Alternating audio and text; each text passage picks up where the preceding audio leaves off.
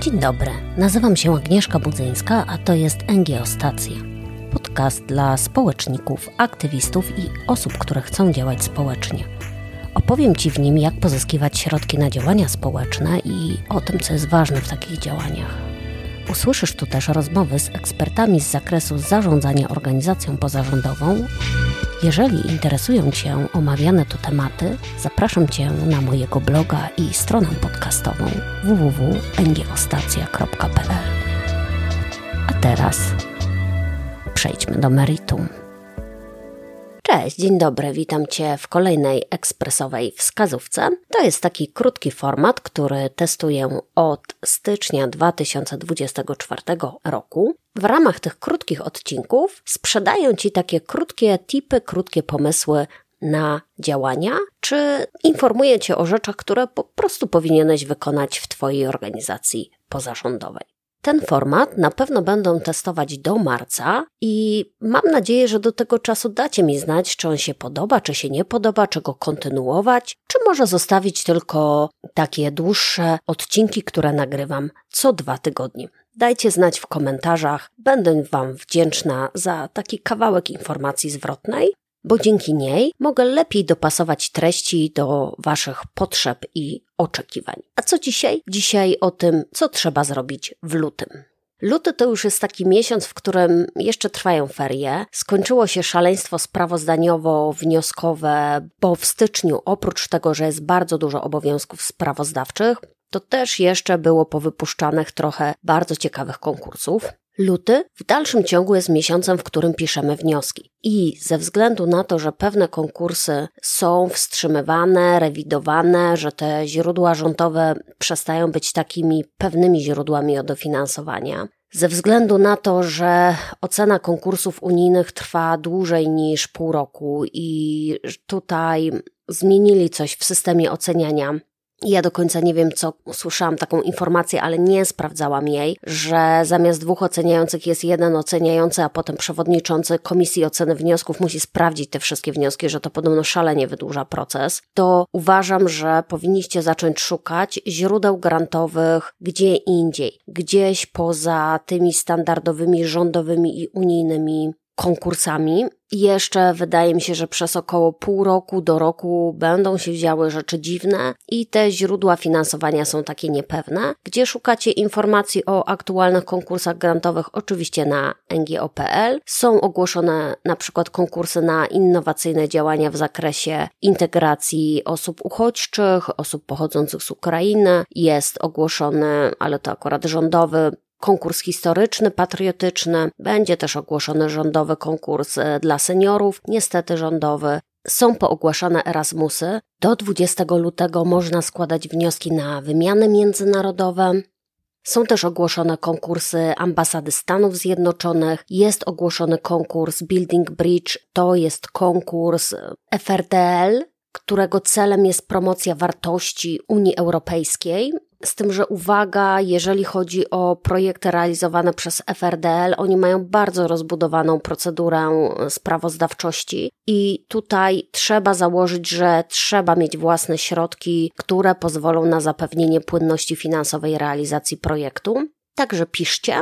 Lud też jest takim dobrym miesiącem na pisanie wniosków, dlatego że jest stosunkowo niewiele tych obowiązków formalno-prawnych. I tak, do 28 lutego te organizacje pozarządowe, które zatrudniały pracowników, czy to w formie umowy o pracę, czy w formach cywilnoprawnych, muszą rozdać tym osobom PIT-y.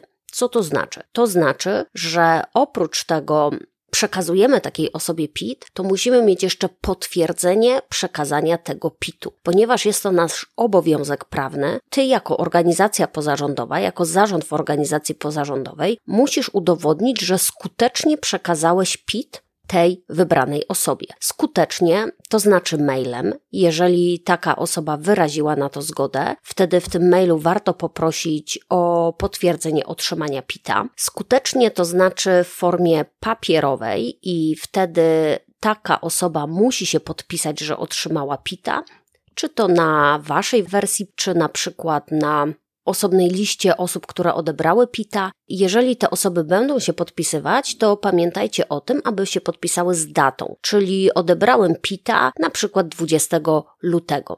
Nie ma takiej możliwości, żeby przekazać PITA po 28, czy w tym roku po 29 lutym. Do końca lutego, czyli w tym roku to będzie 29. I ostatnią skuteczną formą przekazania PITA to jest wysyłka tego dokumentu za pomocą listu poleconego i wysyłka PITA w takiej formie sprawia, że dokonujesz ustawowego obowiązku przekazania tego dokumentu Twojemu pracownikowi w terminie. Jeżeli chodzi o te takie formalno-prawne obowiązki, to jeszcze luty też jest takim dobrym miesiącem, żeby posprawdzać wszystkie rzeczy związane z finansami, dlatego że marzec z kolei jest miesiącem sprawozdawczym. W marcu trzeba przygotować sprawozdanie finansowe. I często jest tak, że te sprawozdanie finansowe robimy na ostatni moment. To nie jest dobra praktyka. Skoro w lutym jest trochę luźniej, to warto ten czas poświęcić na to, żeby jeszcze raz posprawdzać wszystkie faktury, czy wszystkie faktury są opłacone, czy zostały opłacone z dobrego konta, jeżeli masz kilka kont bankowych, czy one są dobrze zaksięgowane. Dobrze jest poprosić też księgowość o wydruki z kont księgowych i posprawdzać, czy ta księgowość nam to dobrze poksięgowała. W jednej organizacji mam taką sytuację, że cały czas bardzo duża część kosztów związanych z czynszem prowadzeniem księgowości, które są przypisywane do kosztów projektu, są księgowane jako koszty administracyjne. I ta organizacja od lat ma koszty administracyjne na bardzo, bardzo wysokim poziomie, a tak naprawdę, gdyby były one księgowane do projektów, tak jak to powinno być zrobione, to ta struktura budżetu tej organizacji pozarządowej by wyglądała inaczej. Czy to jest ważne? Nie, to nie jest ważne dla wielu organizacji, ale dla wielu organizacji jest i powinno być ważne, szczególnie tych organizacji fundraisingowych, które opierają swoje działania o finansowanie społecznościowe, dobrze jest pokazać, że my te środki przeznaczamy na działalność statutową, a nie na koszty administracyjne. Także to są takie ciekawostki już bardziej dla zaawansowanych. Ci mniej zaawansowani powinni posprawdzać faktury, czy zapłacone, czego brakuje, jakich dokumentów księgowych brakuje, pooddawać wszystkie wyciągi bankowe i powolutku przygotować się do już zamknięcia roku finansowego w organizacji pozarządowej. Luty też jest takim miesiącem, w którym jeszcze trzeba pomęczyć się z gusem, co do GUS-u mam ostatnio bardzo mocno taki ambiwalentny stosunek. Z jednej strony cenię go za raporty, które przygotowuje i za dane, które w nich prezentuje. Z drugiej strony praca w tym systemie sprawozdawczym jest fatalna, sam system jest fatalny.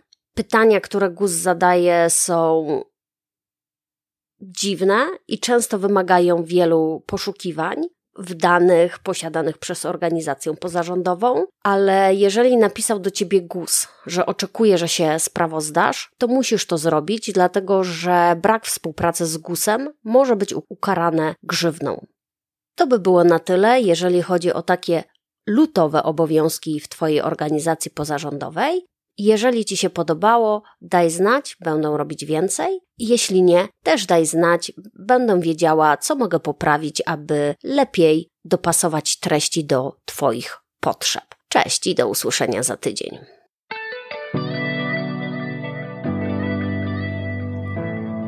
Dziękuję za wysłuchanie tego odcinka podcastu.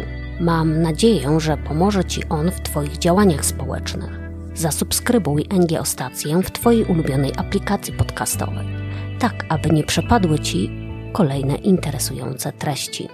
Pamiętaj, że dodatkowe materiały i transkrypcje odcinków znajdziesz na ngoostacja.pl. Do usłyszenia, a teraz idź i zrób coś dobrego.